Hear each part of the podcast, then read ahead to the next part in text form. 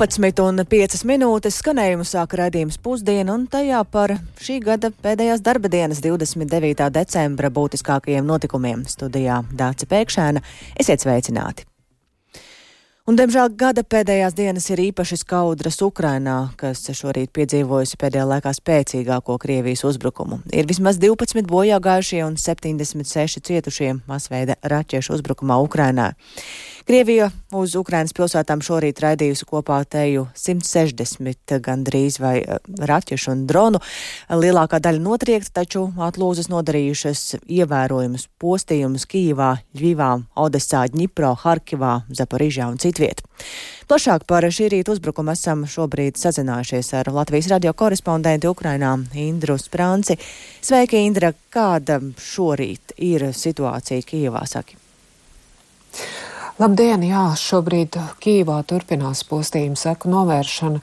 Uzbrukumā Kīvai raķešu atlūzas kritušas dažādos dzīvojumos rajonos, trāpījušas arī metro stacijai, bet uh, vissmagākie postījumi nodarīti Ševčenko rajonā, kur atlūzas uzkritušas noliktavai, ievainojot lielu skaitu cilvēku un arī nogalinot vairākus. Tur šobrīd joprojām zem grošiem tiek meklēti cilvēki un kopumā atbilstoši šobrīd zināmajam Kīvā šorīt nogalināti divi iedzīvotāji un 18 cietuši, bet ļoti smagi uzbrukums skāras arī citas pilsētas. Ļvivas apgabalā raķešu uzbrukuma rezultātā sabojātas daudzas dzīvojamās ēkas, šobrīd zināms par vienu nogalināto deviņiem cietušajiem. Ņipro Krievijas uzbrukumā cietis tirdzniecības centrs, dzemdību nams, 15 dzīvojamās ēkas divas skolas. Šajā pilsētā šobrīd zināms par nogalinātiem pieciem cilvēkiem, bet cietuši vismaz 20 cilvēki. Tas ir tas, kas uz šo brīdi zināms, bet glābšanas darbi turpinās. Arī Odesā uzbrukumā nodarīti bojājumi dzīvojamām mājām, tajā skaitā daudz stāvu augstceltnēm. Arī tur turpinās glābšanas darbi, meklējot cilvēkus zem gruvešiem. Šobrīd tur zināms par trīs nogalinātiem un 23 ievainotajiem. Ļoti smags uzbrukums noticis arī Harkivai, pa kuru šorīt mērķēts vairāk nekā 20 reizes. Arī tur uzbrukumā postījumi nodarīja dzīvojamām mājām. Cietus arī slimnīca, kurā pacienti un mediķi gan bija paspējuši paslēpties patvērtnē.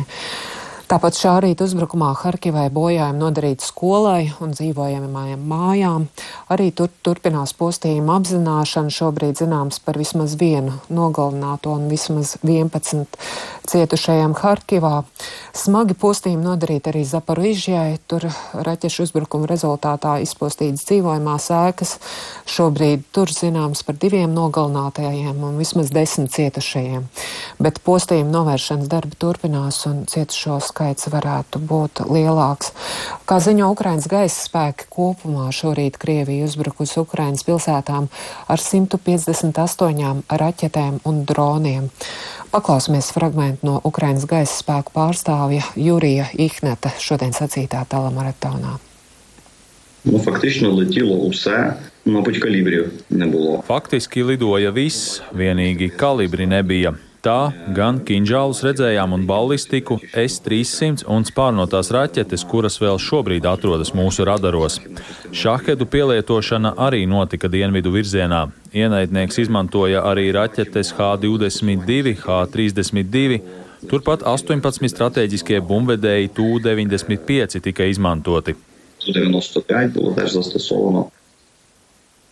Jā, un kopumā, kā ziņo gaisa spēki, Krievija uzbrukusi civilajai infrastruktūrai, kritiskās infrastruktūras objektiem, rūpnieciskiem un arī militārajiem objektiem.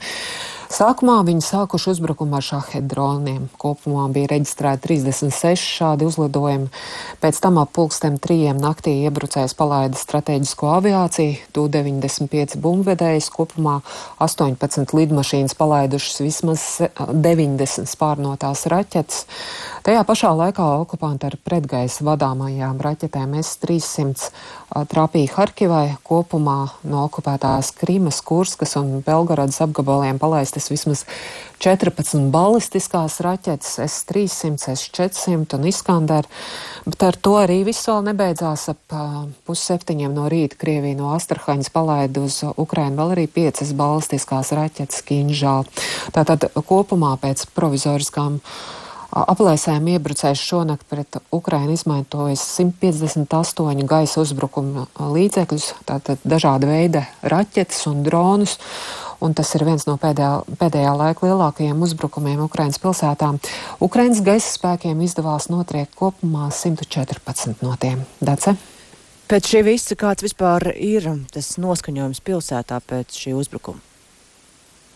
Jāsaka, ka visa nakts jau bija nemierīga. Pirmā gaisa trauksme sākās īsi pēc pusnakts, otrā īsi pirms pieciem no rīta, bet trešā pirms septiņiem no rīta, un tās laikā arī šeit Kīvā tika nodarīti vislielākie postījumi. Es pati to brīdi atrados ārā, kad tas notika, un tā sajūta patiešām bija ļoti nepatīkams. Bija dzirdami šie ļoti spēcīgie blīkšķi, kad strādā pretgaisa aizsardzība. Vienlaikus pilsēta jau, ja tā var teikt, ir pieradusi pie šiem uzbrukumiem, un cilvēki ielā ielās bija maz, bet tie, kur bija, nekādu paniku neizrādīja. Uzlidoja, uzlidojuma rezultātā cieta arī viena ēka netālu no mana rajona, kur dzīvoju, un tur bija sācies liels ugunsgrāks. Dūmi vēl labu laiku pēc tam kūpēja pāri visai podaļai, tā ka Kīva šodien vismaz daļā bija tāda postījumu miglas klāta. Bet visi atbildīgie dienesti operatīvi strādā un dara visu iespējamo, lai izglābtu cietušos.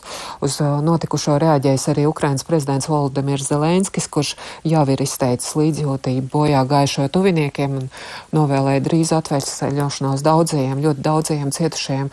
Zelenskis arī pauda, ka Ukraina atbildēs teroristām un cīnīsies, lai garantētu katras Ukrainas pilsētas un tās cilvēku drošību.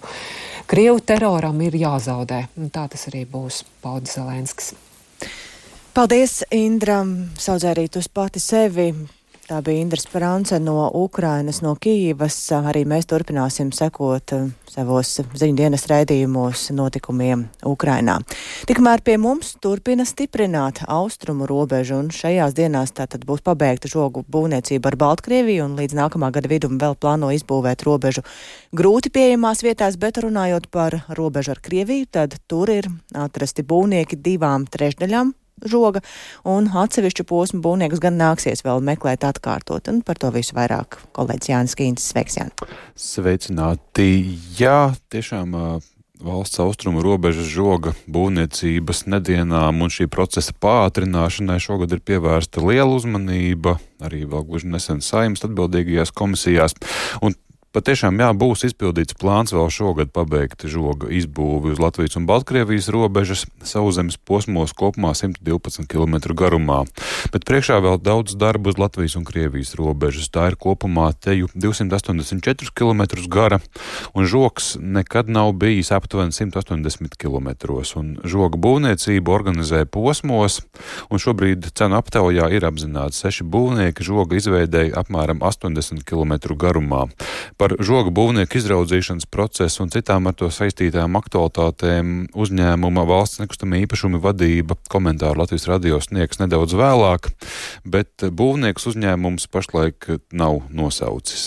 Taču ir zināms, ka par divu posmu izbūvi cenu aptauju organizēs atkārtoti, jo pretendentu prasības ir būtiski pārsniegušas prognozētās izmaksas. Un, um, vairāk nekā 20 km garā posmā žogu liks sadarbībā ar Nacionālajiem, bruņo, nacionālajiem bruņotajiem spēkiem. Um, Par vēl veicamo žogu izbūvi skaidrība ir gūta arī speciāli organizētā auditā. Apzināti visi posmi, kuros vēl būs jāizcērt koki un krūmi, jāveic citi darbi, arī dzen jāatsavina zeme. Un grūti pieejamās vietās, kā purvos un upju krastos, žogu ir plānots izbūvēt līdz nākamā gada vidum. To Latvijas televīzijas raidījumā rīta panorāma šorīt pauda arī valsts robežsardzes priekšnieks Gundis Pujāts. Dace. Jā, kad uh, žogam uz Krievijas robežas ir jābūt gatavam?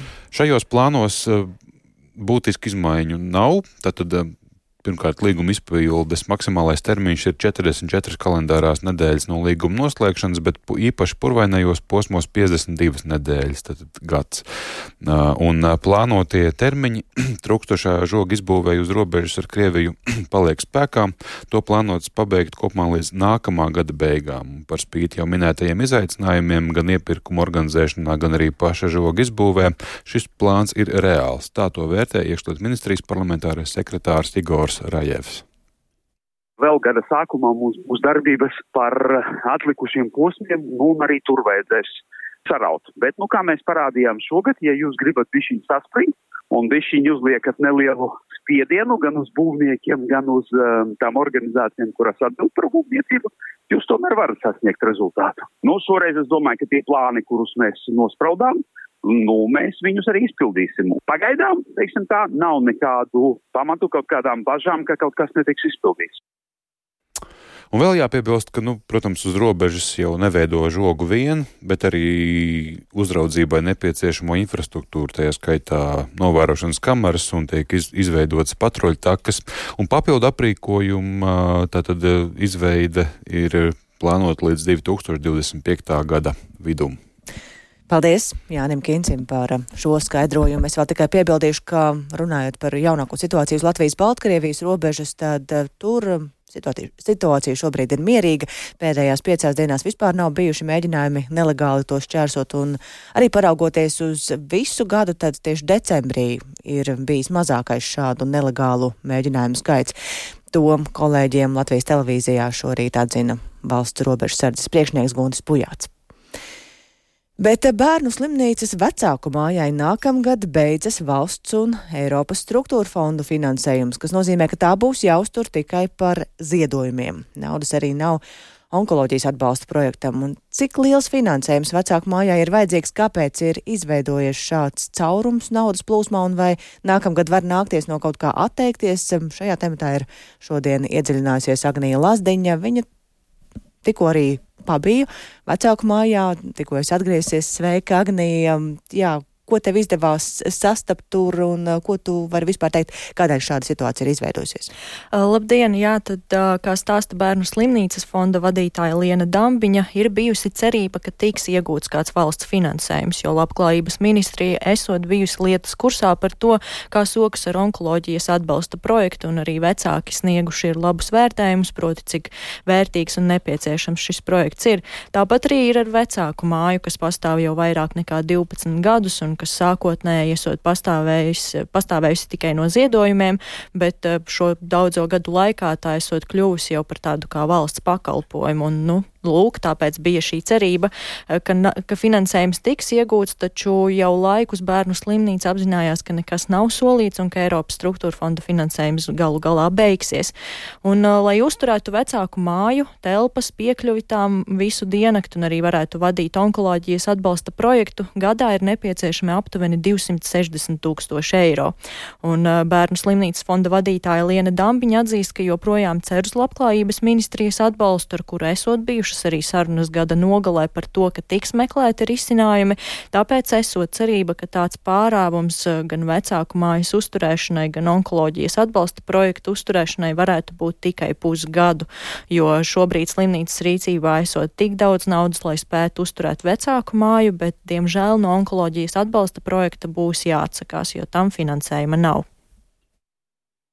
ja šie līdzekļi netiek rasti, nu tad, protams, ka mēs vienalga, kā vienmēr un visos bērnu slimnīcas fonda projektos, kur ir iesaistīti, jo mums viss projekts ir par dzīviem cilvēkiem, kuriem ir vajadzīga tā palīdzība. Viņi ir vajadzīgi šodien, un viņi nevar gaidīt rītdienu, nākamo mēnesi, nākamo gadu. Tad mēs, protams, vienmēr rēķinamies ar to, ka kaut kas var nebūt, jā, un tāpēc saulēcīgi meklējam visus iespējamos veidus, kā nodrošināt to atbalstu pilnā apjomā. Un arī par vecāku māju šobrīd šobrīd nevienam nevajadzētu Latvijā uztraukties, ka vecāku mājas durvis pēkšņi varētu vērt ciet vai pēkšņi nestrādās naktas laikā. Nē, mēs noteikti atradīsim kaut kādu risinājumu, lai visiem vecākiem, kam šāds atbalsts ir nepieciešams, tas arī vienmēr būtu nodrošināts.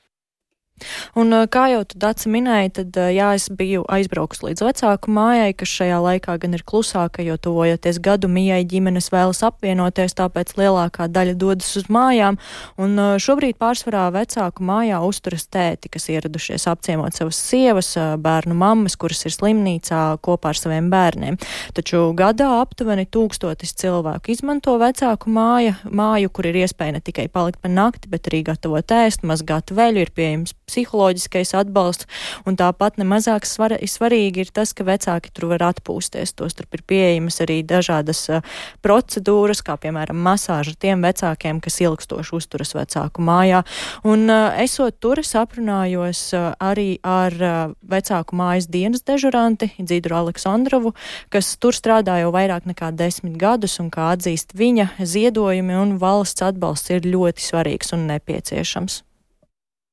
Jā, mēs esam atkarīgi no ziedotājiem. Gan arī teiksim, interjera, gultas veļas, gultas, pārsegus, plēdus. To mums visu saziedo. Un arī komunālajiem eksploatācijas izdevumiem mums ir vajadzīga naudiņa. Un arī Šajā ziņā mēs esam atkarīgi no tiem, kas mūs atbalsta. Nu, apbrīnojami, bet teiksim, pat vienu dienu mēs ziedojumu kastīti vērām vaļā un tur 200 eiro tās saliktas tādā trubiņā. Tātad cilvēki jūt šo vajadzību, ir īpaši ziedot tie, kas šeit jau ir bijuši. Tā ir mūsu eksistence. Tāpat man bija izdevība parunāties arī ar vecākiem, Zani un Klāvu, kas šobrīd uzturās vecāku mājā un kas atzina, ka vecāku māja ir ļoti noderīga un vajadzīga vieta, kur ir iespējams gūt mājas sajūtu un vienkārši visiem būt kopā, bet par to tad plašāk pastāstīšu pēcpusdienā. Paldies Agnijai Lazdiņai, tātad runājam par to, cik šobrīd būtiski vecāku mājai ir nauda, ziedojumi, lai nodrošinātu savu darbību. Bet eh, virkne cilvēku joprojām ir gatavi tērēt naudu uguņošanai gadu mijā un maksāt par to no 100 līdz pat 400 eiro. Un kādā pirotehnikas veikalā Rīgā Latvijas radio šodien atzina, ka cilvēki dažādus priekšmetus uguņošanai pērk ļoti aktīvi. Tikmēr nozares asociācija norādījusi, ka kopumā gan šogad pirotehnikai iedzīvotāji atvēl līdz pat 30% mazāk naudas nekā pērn. Par šo tematu šodien ir interesējies kolēģis Viktors Demīdovs. Sveiks, Viktor! Pastāst par saviem novērojumiem, vai cilvēki gadumijā gatavojas rīkot šos salūtus.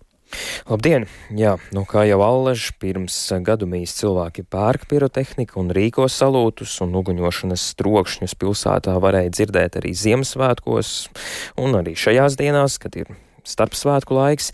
Šodien apbraukāju vairākas Rīgas apkaimes, kur salīdzinot ar centru, salūtu, nu, šķiet var redzēt un dzirdēt vairāk. Un cilvēku uz pirotehniku raugās dažādi. Vieni saka, ka nekad nav pirkuši un to nedarīs arī šogad, bet citi savu tradīciju neatmet. Noklausīsimies rīdznieku teikto. Jautrāk mēs vienmēr draugu kompānijā samitamies un paši šaujam salot vienmēr uz jauno gadu. Arī šogad taisāties? Ir cerība, ka jā. Bet mēs vēl neesam sākuši pirkuši un, pirkuši un domājuši. Bet ir doma, ka jā. Cik apmēram tērēsiet naudu? 200 eiro.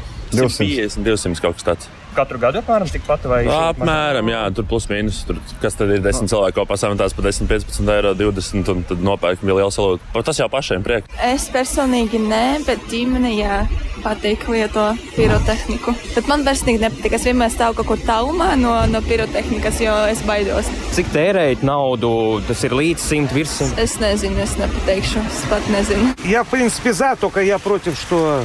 Esmu par pirotehniku, bet esmu pret to, ka nevar šaut, kad vēlos. Piemēram, par stundu agrāk vai vēlāk, vai kādā citā laikā. Pirotehniku pats gan nepērku, bet ja kāds cits šauj, es neesmu pret. Ну, рядом люди стреляют, я не против. Mans draugs bez acis palika. Tā bija Daugopili. Bija kāza viņai māsai. Un pēc tam viss. Jūs esat citi draugi pērk vispār tērē naudu? Nē, tas vispār neinteresē nekādus. Nopirkt skaisti. Labi. Pie jūras taisamies sagaidīt jauno gadu. Attiecīgi putniņi tur nav. It kā cilvēki arī patīk pat cik debesis atvērts, skaists. Nu, un raķetīti uzlaist vienu jau sagaidīt jauno gadu. Poršs taču, ne? Un uh, cik kopā tērēt naudu šogad, cik uz gadu? Naudas tēriņam nav, nav nozīmes īstenībā, jo svētki ir tad, kad tev dvēselē ir svētki, ja? bet nevis tad, kad tev ir nauda vai nav naudas. Ne? Tālūk, rīdznieki par pirotehniku. Savukārt Neatkarīgo pirotehniku asociācija aģentūrai Leta norādījusi, ka pirotehnikas izstrādājumiem līdz šim gadumīs svētkiem atvēlēts par 20 līdz pat 30% mazāk naudas nekā pān, un organizācija atzīst, ka pān pieprasījums pēc lielajām salūtu kastēm, kas maksā 200 eiro un vairāk, bija lielāks. Savukārt kādā pirotehnikas veikalā Rīgā pārdaugavā es dzirdēju, un, precīzāk sakot, man teica, ka atsaucība ir liela. Cilvēki tērē līdz pat 400 eiro, un uh, veikalā redzēju kādu vīrieti, kurš pirotehniku nopirka par 45 eiro. Vai tas ir daudz vai maz? Nu, to tad jautāja veikala pārdevējai. Tas ir viduvēji, kā pārsvarā visi pērk. 45, 35 eiro pērk. Ir arī, protams, ka vairāk pērk pa 90, pa 100, ir, ir pa 400 atnāk nopērk, dažādi ir bijuši. Bet tādi ir daudzi, kas pērk virs 100 eiro. Jā, ir daudz, jā. Tas ir desmitos mērāms? Desmitos, jā. Lielākoties es vairāk vienkārši nāku tur, paņemt to, vienkārši izšaut 12. un, teiksim, tā, un viss vai uz kādu dzimšanas dienu. Bet kam tur uz kādiem kooperatīviem vai vēl kaut ko, tad tur jau ir daudz grandiozāki salūti. nāk Ziemassvētku, jaunajā gadā nāk novembrī ļoti maz bija, bet uh, tagad ir diezgan daudz klientu. Tikpaši vakarā. Mhm. tagad rinda pilnīgi stāv. Jā, tālūk uzrunātajā veikalā, bet, ja runājam par aizliegumiem gadumijā, piemēram, rīkot salot pulksten 23, kas tāds Maskavas laiks, jā, tad katra pašvaldība to nosaka mm, patstāvīgi, vai to vajag vai nē aizliegumus. Nu, piemēram, Ogres pašvaldība ir izstrādājusi noteikumus, paredzot, ka vecgada naktī pulksten 23 um, uguņošana būs aizliegta. Paldies Viktoram Damīdovam. Tagad vēlreiz jāaicina ir būt piesardzīgiem, ja to darāt, jo, ja rīkot uguņošanu mājās, padomājot gan arī par to, kā tas ietekmēs mājdzīvniekus, un arī ir jārīkojas piesardzīgi, lai izvairītos no traumām. Bet um, nākamais gads nesīs pārmaiņas Latvijas radio kora vadībā. Par māksliniecisko vadītāju un galveno diriģentu kļūs Kaspars Putniņš, stājoties kora ilgadējā vadītāja Sigvarda Kļavas vietā. Un Kļava gan sadarbība ar koru nepārtrauks, jo turpinās veidot koncertu programmas un ierakstus. Un uh, par to vairāk šodien interesēsies kolēģi Baiba Kušķe. Sveika, Baiba! Nu, Latvijas radio koris Allaži ir bijis viens no mūsu lepnumiem, kas Latvijas vārdu nesis tālu pasaulē, un šīs gads ir arī ar īpašiem panākumiem, iegūstot prestižo gramofonu balvu. Un tieši brīdī, kad kurs ir tādā slavas zenītā, tas um, tā vadībā notiek šīs izmaiņas, vai tas mūzikas vidē ir tāds pārsteigums? Labdien! Jā, diemžēl man ar Sigvardu Kļavu sazināties neizdevās, bet es diezgan droši varu apgalvot, ka tas ir pārsteigums, jo ja jau arī pat Kaspars Pūtniņš, kas gadu gadiem ir strādājis plecu pie pleca ar Sigvardu, atzina, ka arī viņam tas ir bijis pārsteigums. Bet Kaspars Pūtniņš arī uzsvēra, ka absolūti par prioritāru un svarīgu viņš uzskata savu sadarbību ar Sigvardu Kļavu arī turpmāk, jo tas, ko viņš ir sasniedzis, ar ko ir milzīga vērtība un milzīgs resurs, un arī turpmāk Sigvarda ideja idejas tiks attīstītas un īstenotas gan jaunās koncertu programmās, gan ierakstos. Eh, par Sigvardu Kļavas ieguldījumu Kura izaugsmē runājot, patiešām var teikt, ka tas ir neatsverams un milzīgs, jo 30 gadu periodā ir sasniegtas visaugstākās profesionālās virsotnes, atpazīstamība pasaulē un saņemtas eh, ļoti nozīmīgas balvas. Jā, tiešām arī šī gada rudenī koris ieguva prestižo britu žurnāla gramofonu gada balvu, un tikko pirms pāris nedēļām koris bija Nīderlandes tūrē, kas atkal bija panākuma pavadīta, par ko liecina, ka koris uzreiz tika uzaicināts viesoties atkal. Un varam paklausīties, ko par Sigvarda Kļavas ieguldījumu saka komponists Artūrs Maskats. Nu, man liekas, ka Sigvārds jau ir tāda personība, kas ir viens no tādiem atslēgas cilvēkiem ne tikai Latvijas muzikā, bet nu, Latvijas kultūrā vispār. Viņš ir viens no visbūtiskākajiem. Un tos vairāk kā 30 gadus, kopš viņš ir vadījis Latvijas radio koru, nu, tādā nenogurstošā un milzīgā darbā, es teiktu. Nu, tas radio kors ir izveidots tāds, kāds viņš pašlaik ir. Tas ir tāds ārkārtīgi augsts pakāps. Un dod Dievs viņiem turpināt. Un, turēt šo pakāpi tikpat augstu. Kaspars ir vistuvākais Sigvarda dombiedrs, vistuvākais diriģents, vistuvākā, man liekas, mākslinieckā personība šeit Sigvardam. Un es teiktu, ka, lai viņiem abiem veicās mākslinieckajā darbā un kora izaugsmē un kora noturībā. lai viņiem abiem ir veiksmīgs tas viss tālākais. Jā, tātad tikko dzirdējām komponistu Artūru Masketu. Paldies, Baiba! Tāda vairāk par kora nākotni un um, izmaiņām gaidīsim tavu stāstu raidījumā pēcpusdiena. Un uh, šobrīd izskan raidījums pusdiena, to producēja Ilze Agīnta, ierakstus montēja Uldis Grīnbergs par labskaņu rūpējās Rīta Karnača un arī jums sarunājās Dāca Pēkšēna. Raidījums pusdiena arī atrodams sevērtā laikā Latvijas radio mobilajā lietotnē, bet mēs ēterā tiekamies nedaudz vēlāk.